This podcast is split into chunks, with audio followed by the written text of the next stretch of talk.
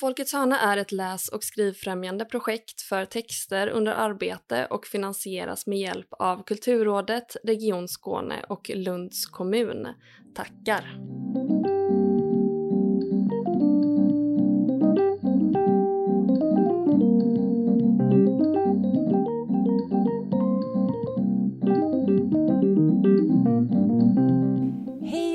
Välkomna till Folkets hörna, en podd om den skrivande praktiken. Mitt namn är Agnes och med mig som vanligt har jag Emilia eh, och idag även Sara Mauritsson. Hej! Hej! Så kul att ha dig här. Eh, du debuterade 2022 eh, med Silvermannen. En, vad ska man säga, en äventyrsbarnbok. Allåldersbok. Allåldersbok mm. till och med. Ja. Och den första i en planerad serie som kallas Yggdrasil. Mm. I den så får vi möta karaktären Lillo som i sin tur möter faror, och Tor och Freja och en massa andra personer ur den nordiska mytologin. Eh, vi pratade lite nu precis innan vi satte igång om just Lillo. Mm. Eh, och eh, att eh, karaktärens kön är lite oklart i boken. Och att eh, det är ganska intressant hur man tolkar det eller vad man vill göra av det. Du sa att vissa Eh, läsare har blivit nervö eller nervösa, har blivit eh, besvikna. besvikna. när du nämner att för, hon, för dig är Lillo en kille. Och vi hade faktiskt samma, inte en besvikelse vill jag inte säga, men eh, att Emilia sa till mig, du vet att han är en pojke, eller så att det är en han. Att jag såhär, VA? Nej! Är det sant? Och att det är ganska intressant eh, att man känner så inför någon karaktär. Eh, mm. hur tänker du själv kring det? Ja, alltså det, från början så visste jag inte vad, vem Lillo var. Och jag gick en eh, skrivkurs och eh, fick respons sådär. Och där var det 50-50 vad de, vad de tyckte, att det var en tjej eller kille. Mm. Och samma sak har faktiskt hänt nu när jag varit ute i klasser um, som har läst boken. Då har de, det är den första frågan de ställer. Är Lillo en tjej eller kille? Och så frågar jag, vad tror ni? Eh, och så får de räcka upp handen. Och då är det typ 50-50 eh, tjej-kille. Och det syns inte heller några liksom spår av att det är tjejer som tycker att det är en tjej och kille, som, utan det är väldigt blandat. Så det är jätteroligt. Ehm, men så från början så tänkte jag inte att det skulle definieras alls, men jag ville inte att det skulle vara en hen-bok heller. Men så pratade jag och förläggaren att det är svårt att inte bestämma sig om man ska prata om karaktären. Mm. Eh, och prata om boken så behöver man nästan, han spelade Lillo, Lillo, Lillo hela tiden. Eh, så då bestämde jag mig för att, ja men för mig är Lillo en han. Mm. Men den som läser får själv bestämma. Och det är väldigt roligt att det har blivit så. Och vissa recensioner så står det han och vissa recensioner har det stått hon.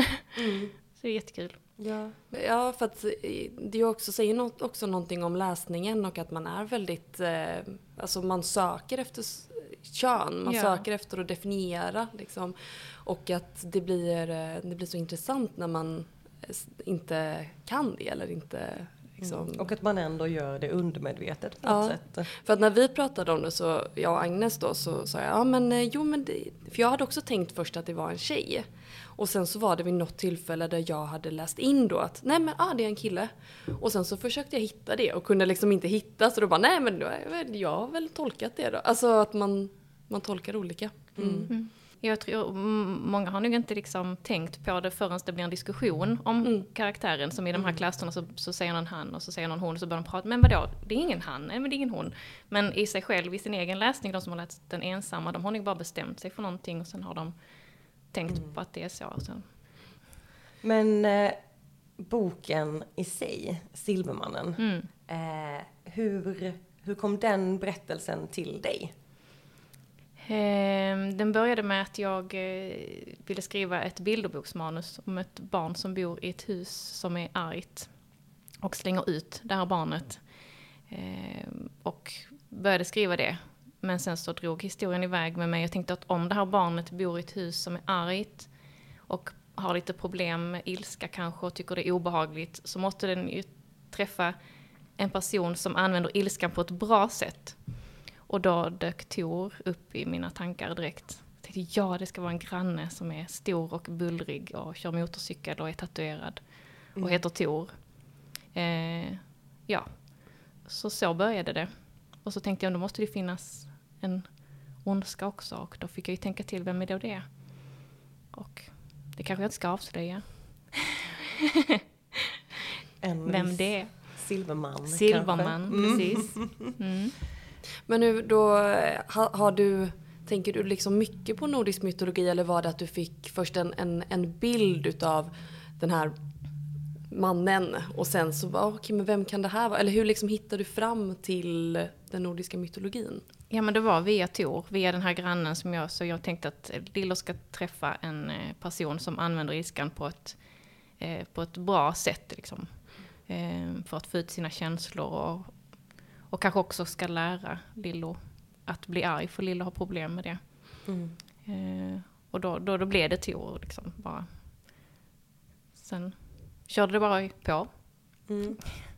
Hade du gjort mycket research eh, kring det eller fick du läsa på under tiden? Under tiden. Mm. Ja. För det var, det var när, det, när det kom dit, då, då sprang jag och lånade böcker och började lyssna på Mytologipodden och, och sådär. Mm. Eh, för att få vidare inspiration. Mm. Och där tycker jag det är ganska intressant med just eh, det som kallas world making. För där tänker jag att du har ju dels din egen värld i din bok. Mm. Sen kan du ju använda dig av den här världen som redan finns, inom citationstecken, men finns mytologiskt och nedskriven. Eh, och den, eh, den dramaturgiska kurva som den har. Mm. Eh, hur skapar man en balans i det? Eh, eller hur gör du det? Alltså jag har bara känt mig så tacksam till att det finns så mycket att ösa ur. Eh, så att jag har bara mixat min, mina egna tankar och min egen fantasi med, med hjälp av den. Så jag har liksom inte alls haft någon plan, eh, medveten plan. Utan det har bara kommit efterhand.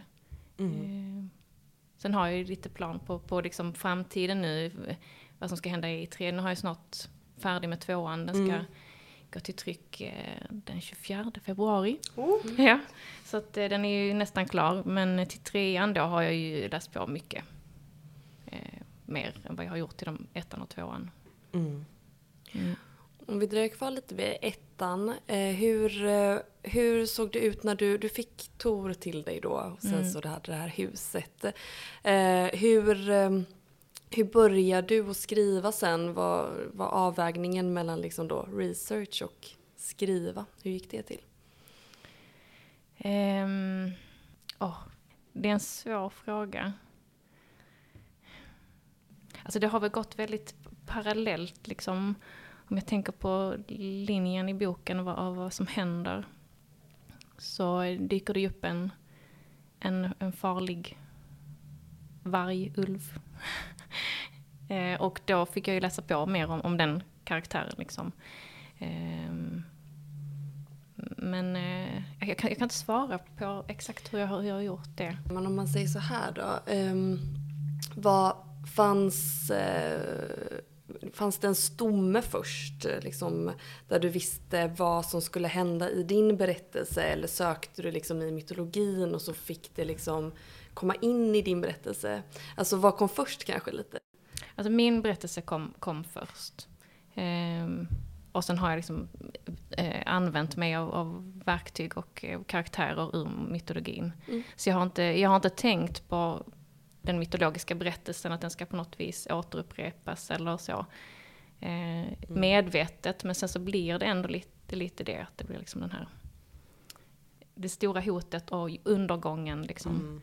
världarnas undergång. Eh, Det är ju tacksamt. ja, Jag absolut. har, eh, jag har själv skrivit ett, eh, ett eh, manus som eh, är liksom baserat lite i nordisk mytologi också, fast placerad i en annan värld. Eh, Och jag tyckte just själv det att den nordiska mytologin är så laddad med symbolism och det är så mycket små berättelser som finns och att man kan läsa på och se någonting att det här, hon, Freja har det här smycket runt halsen och det betyder det här eh, och så hittar man, man bara, oh, men det är perfekt till det och det är perfekt till det och det hänger ihop med det jag redan skrivit utan att jag visste om att det gjorde det. Eh, och att det är någonting som är väldigt skönt i i den nordiska mytologin med just det att Mm. den, eh, som du säger, det är ett väldigt stort eh, kar att ösa ur. Mm. Eh, och sen det jag själv tyckte var svårt var just att bara säga, okej okay, men allt, jag hittar väldigt mycket som passar och väldigt mycket som så här, om jag kan använda mig av det. Och sen veta så okej okay, men när ska jag, när ska jag hålla tillbaka? Hänger någon som inte har läst nordisk mytologi med i det här? Eh, har du känt av det själv? Um, nej, det har jag inte eh, gjort, utan det de, de som har läst eh, klasser som jag har varit i, de har ju i, i samband med att de har läst, har de ju också läst eh, mm. mytologiska berättelser liksom, och pratat om de olika karaktärerna. Så, så det har gett en extra dimension till berättelsen för många och, okay. och de vill gärna berätta, ja men det, varför har du inte med den karaktären mm. och den, kommer den komma med och kommer, kommer ekorren komma med eh, som springer och skvallrar i, i, i, i trädet, i Yggdrasil-trädet i mytologin och sådär. Mm. Mm. Har du fått så, lite idéer då också kanske? När du varit ute och pratat med eh, ja, men det har, jag, det har jag fått lite, lite idéer. Mm. Eh, bland annat i en klass där jag kom in där de hade jobbat med månen också. Och eh, Lillo är ett månbarn. Mm. Eh, och, så där fick jag lite idéer eh, i samband med det.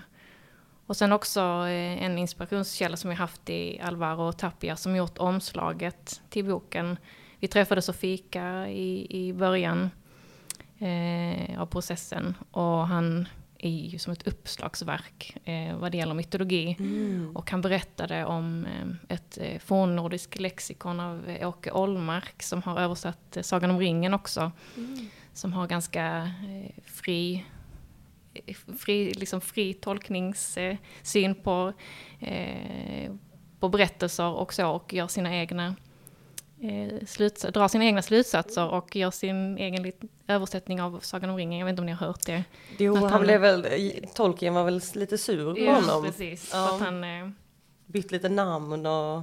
Ja, men för hans liksom fria förhållningssätt till, ja. till berättelserna. Och, och, i det här lexikonet också så har jag hittat saker som, som Alvar också nämnde eh, kring Loke. Eh, som jag kände att jag var tvungen att ta med. Och också om ödestro.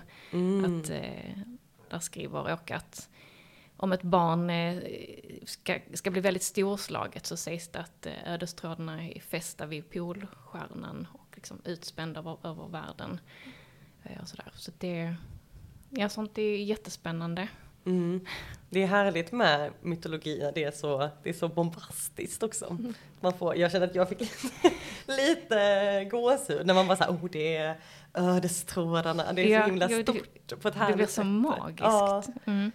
Så verkligen en krydda till. Så jag vet inte om hur jag ska kunna skriva berättelser sen utan att använda mig av mytologi. Nej, men då är det väl skönt. Det finns ju fler att ta. Ja, exakt, det är bara att hitta en ny. Mm. Ja, men eh, jag tänker då är det väl skönt också att det är just en, en serie du har påbörjat nu. Eh, var det tänkt från första början? Att det skulle vara så? Um, nej, från första början var det inte alls det. Uh, då var det bilderboksmanus mm. och sen, sen tänkte jag att jag skulle göra en lättläst bok. Hade um, Jakten på Jax-serien lite i åtanke, Martin Olschack. Som också har lite mytologi och eh, folktro och så i sig. Eh, men sen blev det ju bara mer och mer, sen insåg att det här kommer inte få plats i en bok. Mm. Mm. Varför hade du eh, från början en bilderbok i, som, som mål? Liksom? Um, därför att jag skulle kunna skriva någonting lite snabbare. Mm. Men så sen, blev det en serie istället. exakt, för tre veckor. Men jag tog ett år tjänstledigt eh, för att skriva. Mm. Eh, så då hade jag helt plötsligt mer tid. Gick du på någon skrivarlinje då? Mm, ja, då gick mm. jag, eh, ska jag säga rätt, Skrivarskolan heter den. Mm. Eh, Kvarnby skrivarskolan. Mm. Och då eh, sa lärarna där att, då började jag i augusti 2019 och då sa läraren där att Bonnier Carlsen har en barnbokstävling eh, och det ska skickas in nu till, liksom, till jul. Så då hade jag ett halvår på mig mm. och, och skriva. Det var därför det skulle bli en bilder... Ja, precis. Mm. Mm. Men sen blev det inte det. Men jag, jag hann ändå bli mm. klar på det där. Och du skickade, skickade in? Ja, det var så jag blev eh, publicerad. För den, jag skickade in till den tävlingen och de gick ut med vilka som vann klockan ett på dagen. Eh, den dagen som de skulle eh, berätta det. Och då 20 över ett ringde min telefon. Och då hade de redan liksom gått ut och då såg jag att jag inte hade vunnit. Och det visste jag ju för då hade de ju kontaktat mig innan. Men 20 över rätt ringde min telefon och då var det en av förläggarna som sa att ja, ditt manus var med bland de tio bästa eh, länge och så. Och, men det har ju inte vunnit men vi vill ge ut dig i alla fall. Och vill du det? Och jag var Wow. ja. Gud vad kul. Ja. Hur, känd, hur kändes det? Ja, det var helt fantastiskt. Mm, en av de bästa dagarna i Mm. livet. Så ja. Också extra kul när man bara, ah, okej jag vann inte. Ja, och sen precis. ändå så vinner man på ett, på ett annat sätt. Mm. Ja, ja. Ja. Och hur, hur gick ni vidare därefter? Ja, men då, då sa hon att eh, vi har lite tankar liksom på, på saker såklart som vi eh, funderar över och så. Så vi, vi får ha ett möte. Så hade vi ett eh, digitalt möte eh, där vi gick igenom manuset och hon, hon gav lite förslag på, på saker som jag kunde tänka på. Och plus att jag fick ett hemskickat manus också. Eh, där hon hade skrivit saker i, det. Och så fick jag ändra och så fick jag skicka in, jag vet inte hur många turer det var. Sen var det ju en redaktör också med. Eh, så ett par gånger liksom fram och tillbaka. Men du hade liksom ett helt, ett, ett fullständigt Mm. manus när du skickade in till det? Ja, Ja. På ett halvår då. ja. Mm, men då, jag hade börjat lite smått skriva idéer innan. Mm. Eh, Ja, det är ju tankar. imponerande i vilket Ja. fall. Ja, ja det, var, det är jag mm, fullkomligt nöjd med faktiskt. Det förstår jag.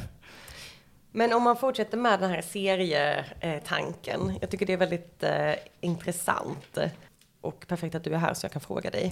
eh, men hur tänker du kring det när du skriver? Vad, det var, det, tanken fanns där när du sen publicerade den här Silvermannen. Mm. Eh, hur tänker du kring att, vad ska man säga, bita om grejer? Så här, ja men det här kommer komma någonting i nästa bok. Jag måste lägga in en liten ledtråd kring det redan nu. Hur mycket vet du i förväg? Eh, utan att avslöja vad som kommer hända. Men hur mycket liksom har du planerat själv framåt? Och hur mycket är, är så här, att man kanske plockar upp det. Och jag skrev ju det, det kanske man kan göra något av. Mm. Ja, alltså när jag hade skrivit ettan så var det bara så här, pu, iväg med den nu. Eh, vad ska nu tvåan handla om? Mm. Då hade jag faktiskt inte mycket eh, förutbestämt liksom. Jag hade fått skriva ett synopsis för när jag, vi skrev kontrakt på tre böcker. Så ehm, då ville förlaget ta ett synopsis på de andra böckerna. Så det har jag skrivit men det har jag liksom inte ens tittat på när jag skrev tvåan. Och jag kanske har använt någonting av det undermedvetet men, men eh, skrivandet för mig är ju att skriva och hitta på när jag skriver. Och jag eh, insåg nu när jag har skrivit tvåan att ja men det funkar ju. Det funkar att skriva en etta och inte veta vad tvåan ska handla om. Och eh, ändå eh, få ihop en, en tvåa och också funderingar på en trea nu. Mm. Eh, men eh, vissa saker självklart eh, är där i broar som måste klicka hela vägen och det blir ju det, är det som är det spännande. Man har saker som bara vecklas ut. Mm. Eh, så eh, jag har gjort på en stor tapetrullebit har jag gjort ring, ringar och cirklar och pilar liksom vad som måste komma med och vad som måste lösas upp i Mm. slutet.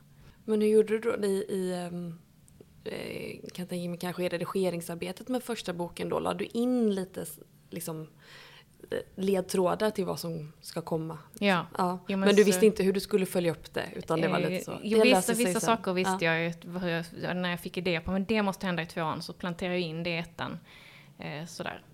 Men, men eh, många saker som, det kan vi väl avslöja att Lillos mamma är, är ju försvunnen Mm. eh, och är någonting som Lillo gärna vill hitta. Mm. Så det visste jag inte alls. Vem är mamman och var är hon? Visste jag inte när jag skrev ettan.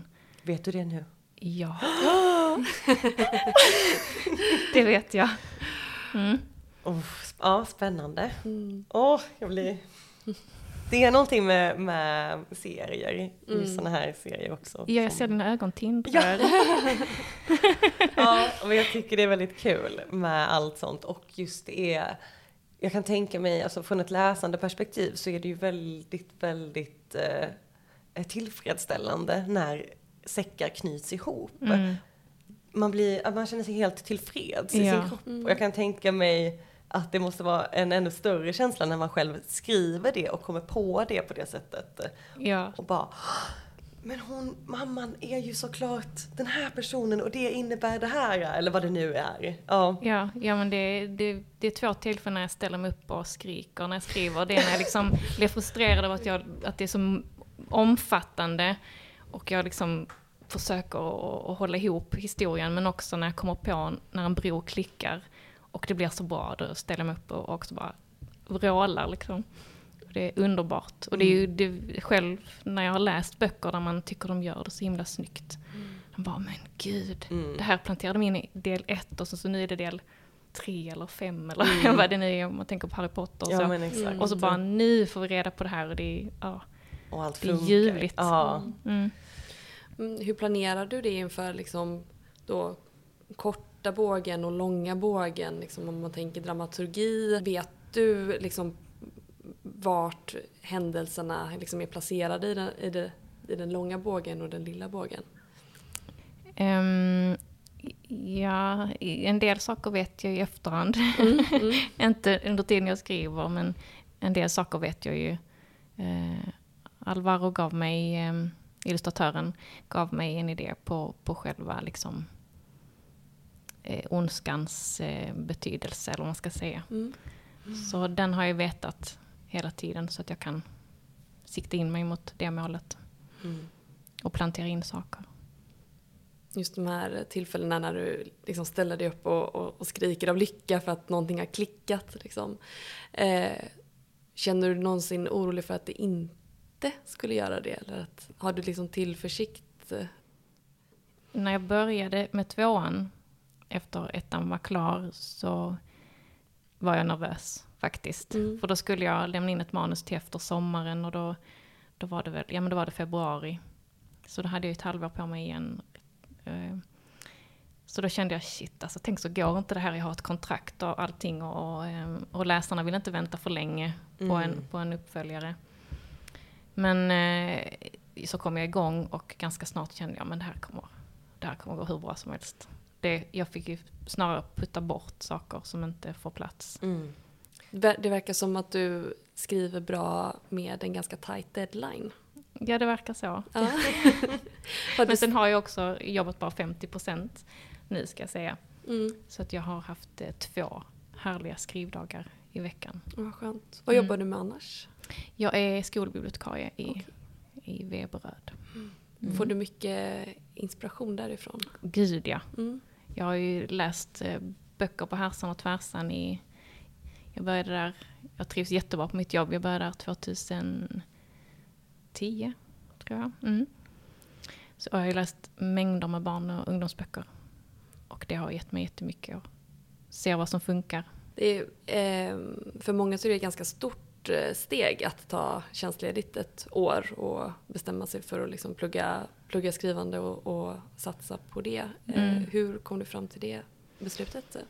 Ehm, det var min pappa fick cancer och eh, jag tog, jag satt mycket hos honom. Det gick ganska fort.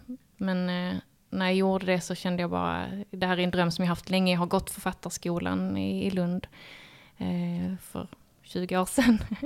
men då hade jag inget att berätta ännu. Eh, men när jag var där hos pappa så tänkte jag, nej, nu ska jag ta tag i min dröm. Och så gick jag hem och, och räknade på liksom, hur, vad kan jag göra? Vad kan jag dra ner på? Hur kan jag förändra livet så att det går? Så eh, bara gjorde jag det. Det är det bästa jag har gjort. Innan det så gick jag också och tog en fika med en kompis. Vi var på någon föreläsning. Och så sa jag till henne att jag är så trött på att bara sitta och lyssna på alla författare. jag vill vara en själv. Så pushade hon mig och eh, ja. Så Look at you now. yes. Bästa beslutet någonsin. Ja. Vad Mm. underbart. Eh, jag tänkte på att du sa innan att eh, Silvermannen är en allåldersbok.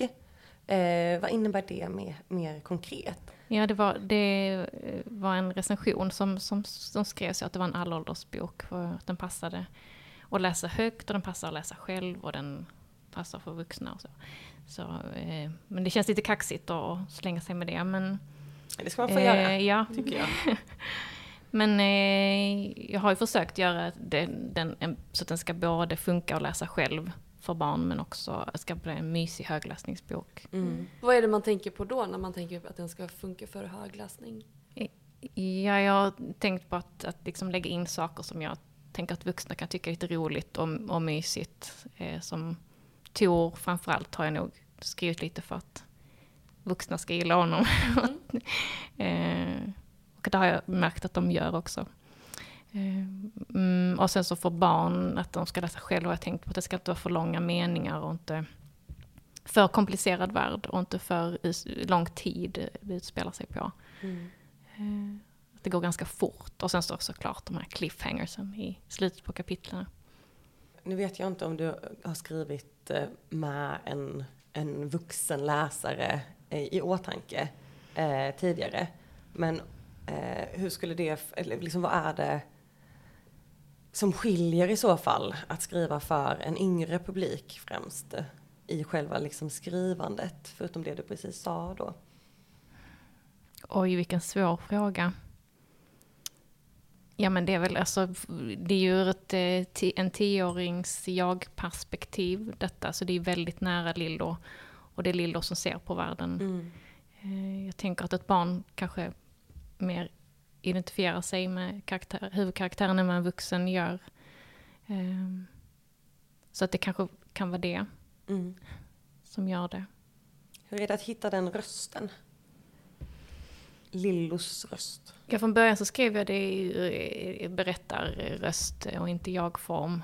Men sen så vill jag det här det arga, arga huset som är i början som stänger ut Lillo.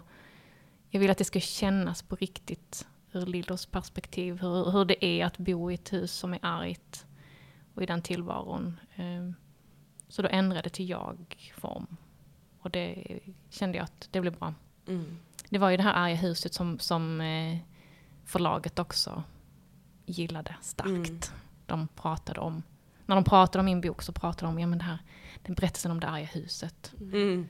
Mm. Det är en unik eh, bild liksom. Ja, mm. det blev ju det. Hur kom du på, hur, hur, kom, hur kom det huset till dig? ja, eh, eh, jag och min barnens pappa, vi, vi var i en separationstid och bråkade ganska mycket, som man gör när man separerar. Eh, och det försöker man ju hålla barnen undan, eller man försöker göra det snyggt när inte barnen är i närheten, men det är ju svårt, det, det går inte alltid.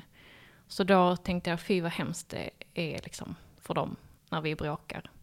Så då fick jag idén till det här att ett barn som bor i ett hus som är argt. Kom den långt innan du började skriva? Eller? Eh? Ja, men den kom nog något år innan. Mm. Mm. Fanns kvar hos dig? Ja, precis. Ja. Just då. Och jag tycker själv inte alls om arga personer och minns de få gånger mina föräldrar har blivit arga på mig. Min, min pappa var nästan aldrig arg. Men de få gånger han var, det var, det sitter liksom. Jag tänkte på uppföljaren nu som kommer, som du sa, till våren. Mm. April tror jag det ska vara. Mm. Eh, och själva processen, vi har ju varit inne lite på det. Eh, men hur skiljer de? Har de skilt sig väldigt mycket? Eh, Silvermannen och flickan från underjorden. Process, skrivprocessen. Ja. Den, det har skilt sig åt att jag känner mig att jag har så mycket bättre självförtroende nu. Mm. att det, och också att det känns som att jag vill inte göra någon besviken nu, utan nu vill jag ju verkligen, de som har skrivit till mig att de älskar min bok och längtar till tvåan, då vill jag verkligen eh, göra dem nöjda. Eh, så det, men det har bara varit positivt. Eh, men skrivprocessen i sig har varit ganska lik, eh, alltså att jag skriver från början till slut ganska så direkt. Mm, och petar i många kapitel länge innan jag går vidare. Vissa bara skriver jag vad som ska hända och vissa kapitel som betyder extra mycket, de, de skriver jag nöter, nöter, nöter tills de är klara innan jag går vidare. Så det är från mm. liksom A till Ö? Ja, ganska, ja. ganska så direkt. Och sen så, men vissa kapitel eh, går jag tillbaka till och ändrar. Och, Mm. Mm. Men du måste inte ha det, ett kapitel måste inte sitta perfekt innan du går vidare. Vissa kapitel, Vissa kapitel. men okej. inte alla. Mm. Vissa då skriver jag bara, ja men här ska det här hända. Mm. Eh, mm. Och hur är du, kan du sitta en, en hel åtta timmars dag eller är du pomodoro eller liksom hur ser det ut när du när Jag kan du sitta hur mycket som helst. Okej! Ja. Mm. Jag, ja, jag älskar det. Okej. Mm. Men sen måste jag ju ta pauser såklart. Jag skulle jättegärna vilja ha ett höj och sänkbart skrivbord. Det Mm. står på önskelistan. Ja, det, det måste jag ha. Det är underbart. Mm. Det är jättebra. Emilia har ett sånt, kan vi flika Ja. in. Mm. Ja, jag har precis skaffat ett. Ja, Mm. Det- Särskilt när man det- är mycket framför. Ja. Nu har jag ju i och för sig väldigt dålig hållning nu när jag sitter här. Men, men eh, när man står och det är ju viktigt att liksom ta hand om sin, om sin kropp. Särskilt om Eller man då hur? som du kan sitta länge. mm. Sen sitter jag ju mycket ute i skogen och skriver, inte nu när det är sånt här Mm. ruggigt, men eh, det är ju min bästa skrivplats. Att gå ut i skogen. eh, Sitter du med dator där då? Ja, Ja. Eh, och läser ju mycket också när jag, min, eh, när jag skrivit ut och läser igenom eller gör research och tar med böcker och sitter och läser. Mm. Mm. Vad är det med, jag tänker att eh, skogen och naturen är ju väldigt, alltså det är ju nästan en egen karaktär i Silvermannen. Den är väldigt viktig. Mm. Eh, vad är det som inspirerar dig så mycket i skogen? Eller med naturen? Ehm, det är delvis att jag får vara helt i fred. Jag tycker jättemycket om att vara ensam och tänka och drömma och fantisera. Ehm, och sen så är det så vackert. Alltså, allt i skogen är vackert. Och det som är fult är också vackert för det är inspirerande. Ehm, och det är så naturligt och allting bara sköter sig själv utan att vi behöver göra någonting. Det tycker jag är coolt. Och, ja, men ljuset när man sitter och, och ljuden man hör. Och det blir naturligt eh, vilsamt. Får du mycket inspiration när du är i, i, eh, i skogen? Ja, Mm. det får jag. Mm. Och eh, också i, Silvermannen så eh, kommer det ju massa grodor så här oförklarligt som dyker upp i Heidafors där det utspelar sig. Och då kunde jag bara gå till ställen där jag vet där det finns grodor för jag ville se hur deras ögon rör sig eller hur man, hur man liksom, om de rör sig överhuvudtaget sådär. Mm. Och så, så vill jag också ta reda på hur det kändes att bli nedtryckt i mossa, för då blir det ju också Lillo på ett ställe. Så kunde jag bara trycka ner huvudet i mossa. En direkt research. Ja. ja. Plus att det inte finns något annat att göra. Ingen tvätt att Nej. tvätta, ingen eh, eh, ja, disk, wifi. inget wifi. Precis. Inga fläckar. Nej, Ska gnugga bort. exakt. Ja. Mm. Och eh, nästa bok då i Yggdrasil-serien, Flickan från underjorden. Mm. Eh, vill du berätta lite om vad som händer i den? Ehm, ja, det börjar med att eh, Lillo vaknar av att det stormar och river och drar i huset. Och eh, så tittar han ut genom fönstret och ser att det kommer en mystisk skepnad eller personfigur gående. Och det blåser och river i allting, buskar och snår och mm, locken på brevlådorna far upp och ner. Men den här personen har en lång cap på sig som inte rör sig överhuvudtaget. Det är liksom som en vindfri zon kring den här personen som går in på Tors uppfart och försvinner bakom huset.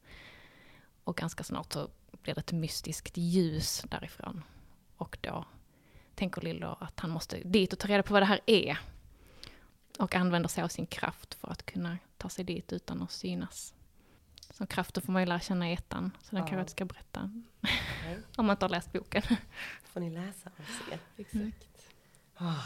Ja. Oh. Jag vet inte vad det är med mig idag, men jag är helt inne i världen. Ehm, du sa att du skrev på ett kontrakt med tre böcker. Mm. Tänker du att det ska bli en trilogi eller Mm. vill du, det är det som är tanken? Ja, jag hoppas att det ska räcka med det. Mm. Mm. Eh, Att det inte behövs fyra. Varför det? Det är därför att jag tänker att jag vill hålla kvar läsarna. Eh, så de inte ska ty- tappa det.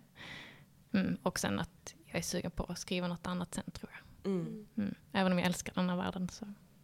Har du några tankar inför framtida projekt? Ja, men jag har en ungdomsbok som jag har jobbat med ett tag sådär bredvid. Som, Okej.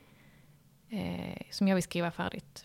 Och sen så har jag också ett lättläst manus som jag har skickat in till ett förlag och de har sagt att jag, de vill att jag ska skriva mer och skicka tillbaka. Mm. Så eh, det tänker jag också att jag ska fnula med. Kul. Mm. Men det är inom barn och ungdomslitteraturen Ja. som du helst, eller som du vill röra Det är dig? nog där jag kommer att stanna. Ja. Mm. Vad är det som, vad är det som lockar dig till eh, den, den åldersgruppen? Den typen av litteratur?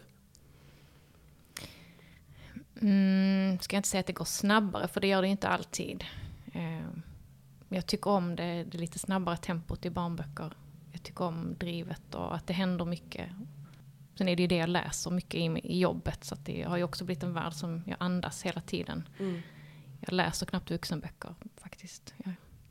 Mm. på sommaren kanske två, tre böcker. Mm. Det det brukar ju, man brukar ju också prata om att det kan vara svårt att, alltså som vuxen komma, särskilt i jag-form då, att komma liksom nära barn eller ungdomsspråket och sådär. Hur, hur jobbar man med det? Alltså utan att bli yo, yo, yo, kids, liksom. Eh, Ja, den här Silvermannen har ju, den har ju inget modernt i sig alls med telefoner eller datorer eller sådär. Eh, utan jag försökte skriva något så klassiskt, eh, liksom sagoaktigt fast ändå i vår värld. Ehm, men jag har väl tänkt på att, eh, att Lillo, när Lillo tänker och pratar och så, så ska det vara ett barn, eh, liksom barnprat och barn, barntänk eh, mycket. Men ändå utmana läsaren genom att de andra karaktärerna svänger sig med lite svåra ord och Mm. uttryck och så, så det ändå ska liksom bli ett, ett annat djup också i berättelsen. Um, ja, sen har jag en, en, eh, en nioåring och en tolvåring, som, så det är precis där i det. Så att jag hör ju hur de pratar och, så, och jobbar med barn, så att jag, jag hoppas att jag har fångat det. mm. Jobbar du med liksom, testläsare och så? Inför... Ehm, ja, så jag har ju gått skrivkurser och så, så där har jag haft läsare. Mm. Och sen har jag läst för mina barn. Mm. Kan det vara då att de kan säga så? Nej men ingen säger sådär eller ingen... Ja, Mm. det, har, det är några grejer jag har ändrat på grund av att de har. Perfekt. Ja. Jättebra. Och till Mm. tvåan så eh, har jag fått idéer av min dotter och hennes kompis som kom på en idé eh, vad det gäller den onda karaktären i tvåan. Ah. Hur Mm. hen skulle vara. Mm. Mm. Så ja. Eh, Jag vet att vi hade en lärare på skrivarlinjen när vi gick där eh, som heter Emma Karinsdotter. Mm. Hon är också eh, skriver för barn och hon berättade att hon läste opublicerade manus för barn för att se liksom, då, jag tror hon skriver för lite yngre, Mm. men att eh, Okej, men jag märker det här kapitlet är tråkigt för nu lägger de sig och låtsas sova på marken och nu skriker de och skrattar. Det här är bra. Att hon gick ut i, i klasser och gjorde liksom direkt eh, respons på det sättet. Men har du gjort det? Eh, Jag har inte gjort det med den här serien, men den här andra lättlästa serien som jag, som jag håller på med också. Där har jag låtit elever Mm. läsa. Eh, mycket för att jag ville få reda på om, om den är lättläst. Mm. Jag har svårt att avgöra Ja, kanske precis. själv. Mm. Det är det ju. Ja. Det är en annan sak som vi har pratat om också just, alltså jag och Agnes, kring att skriva för eh, barn och unga och kanske särskilt när man har liksom mytologiska liksom, inslag och det är lite, liksom, det är ändå lite avancerat eller vad man ska säga. Alltså hur gör man för att avväga, liksom eh, förklara tillräckligt men inte skriva någon på näsan. Alltså hur, ehm, ja, hur gör man den avvägningen? Um, tänker du med, med, med handlingen då, eller tänker du språket? Jag tänker nog mer handling, men Ja. du kan svara på språket också. Eh, ja men det, det, det har jag känt att det, eller jag hoppas, jag tänker att man, att man ser det när man skrivit färdigt historien. Eh, så då har jag använt olika färgpennor för när, när berättar jag om den här tråden. Och markerar Oh. liksom med rött när jag pratar om, om Lillos kraft kanske. Och grönt när jag pratar om faran och så. Så ser man hur ofta nämner jag det och Mm. behöver jag upprepa det igen? Behöver jag lägga in det någon merstans nu för att inte man ska glömma? Och redaktören har ju också varit jättebra på det. Och, och säga, men nu, nu är det ett tag sedan vi fick, eh, blev hållna i handen, kallar hon det ofta, Mm. vad det gäller det här. Så nu behöver du nog slänga in någonting så att man, så man kommer ihåg det till nästa kapitel när det här ska dyka upp igen så att det inte blir som en överraskning. Men, men just att sitta med manuset och stryka under i olika färger när de olika sakerna tas upp tycker jag har hjälpt mig mycket. Mm. Mm. Har du skrivit ut manuset då? Ja, Ja, Mm. ja gud ja. gud ja. ja. Det måste man. Och annars är det att du, du sa innan att du sitter, du skriver ganska rakt på liksom. Så du sitter inte, du sitter inte först och skriver liksom för hand och sen skriver i datorn. Nej. Utan det är ett dokument som Ja. är så in. Ja, Köttar in i. ja okej. Mm. Mm. Och det är liksom word, det är inte någon sån scrivener eller liksom något sånt. Nej, bara Nej. word. Jag älskar Word. Ja, Ja. ja. ja, absolut. Jag har aldrig jobbat med något annat. Så jag vet inte om det finns något annat som är bättre. Men, men Men det funkar funkar. det så funkar det. Ja. Ja. Har man hittat sin, eh, sin, eh, sitt recept så Mm. har man. Mm. Och eh, den tredje boken, när är den, har du börjat på den än? Eller är du fortfarande i sluttampen med andra? Jag har skrivit eh, slutscenen. Oh, och då är det Jag den säger det till dig. absolut- Då vill du ha den. Exakt. Du skickar manuset till mig Ja. först. Ja, nej, jag har bara skrivit slutscenen för det var jag tvungen att göra. Mm. Varför Ja. var du tvungen? Alltså, för att Därför ur att jag, jag var tvungen att få den ur mig och, och gråta lite. Ja. Åh. Vad, innebär det? Vad är det som? Ja men det är bra tårar, det är, det är fina tårar. Mm. Mm. Mm. Och det älskar jag också när redaktören har skickat tillbaka manus. Hon har skrivit så här, Sara nu ful gråter jag. Det, det är fint. När, skrev du, när skrev du den? Alltså när skrev du scenen? Ehm, för några månader sedan. Så det Mm, var under arbetet med andra? Mm. Mm. Och då blir det också den första boken i den här serien som du inte riktigt skriver från A till Ö. Ja, Precis, från A till Ä. ja, precis. Ja, Ja. spännande. Jag tycker det kan vara för egen del ganska skönt ibland. Det behöver inte vara absolut sista scenen, men man kanske skriver någon slags vändpunktscen som man vet ska komma. Och att det nästan kan vara lättare ibland för egen del att komma dit när man vet lite vart man ska. Mm. Ja men det är exakt så jag känner också när jag skriver på, även om det är ganska rak linje, så ibland så känner jag att nej men nu får jag hoppa över, här behöver det vara någon sorts eh, vardagsskolscen kanske, men den, den har jag liksom inte inspiration till att skriva nu, utan jag vill skriva fighten eller det, Det som ska komma efter eller Ja. något sådär. Så då, då hoppar man över det och, och vet att ja men här måste vi lägga in någon sorts, eh, vad heter det? Mm. En liten brygga. Ja, Mm. en övergång. Mm. Mm.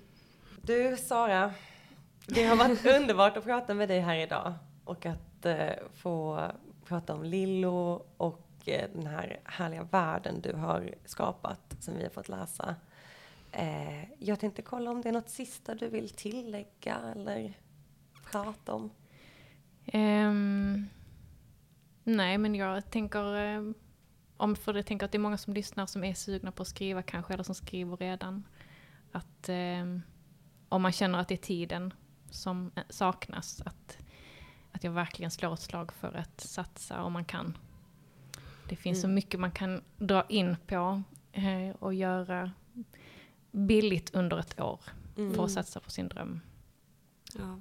Om man, om man har möjligheten och gör det så gör det. Mm. Och det här är verkligen en inspirerande solskenshistoria för att kolla hur, hur bra det kan bli när man, Ja. när man vågar. Ja, ja verkligen. Mm. Ett bra tips. Mm. Jag håller med. Mm. Mm. Men då säger vi tack så jättemycket Sara för att du Mm. ville komma hit och prata med oss här idag. Tack för idag. Jättemysigt. Ja. Jag är jätteglad att jag fick komma. Ja, och tack till alla som lyssnar. Eh, Så eh, hörs vi nästa gång. det gör vi. Hej då! Hej då!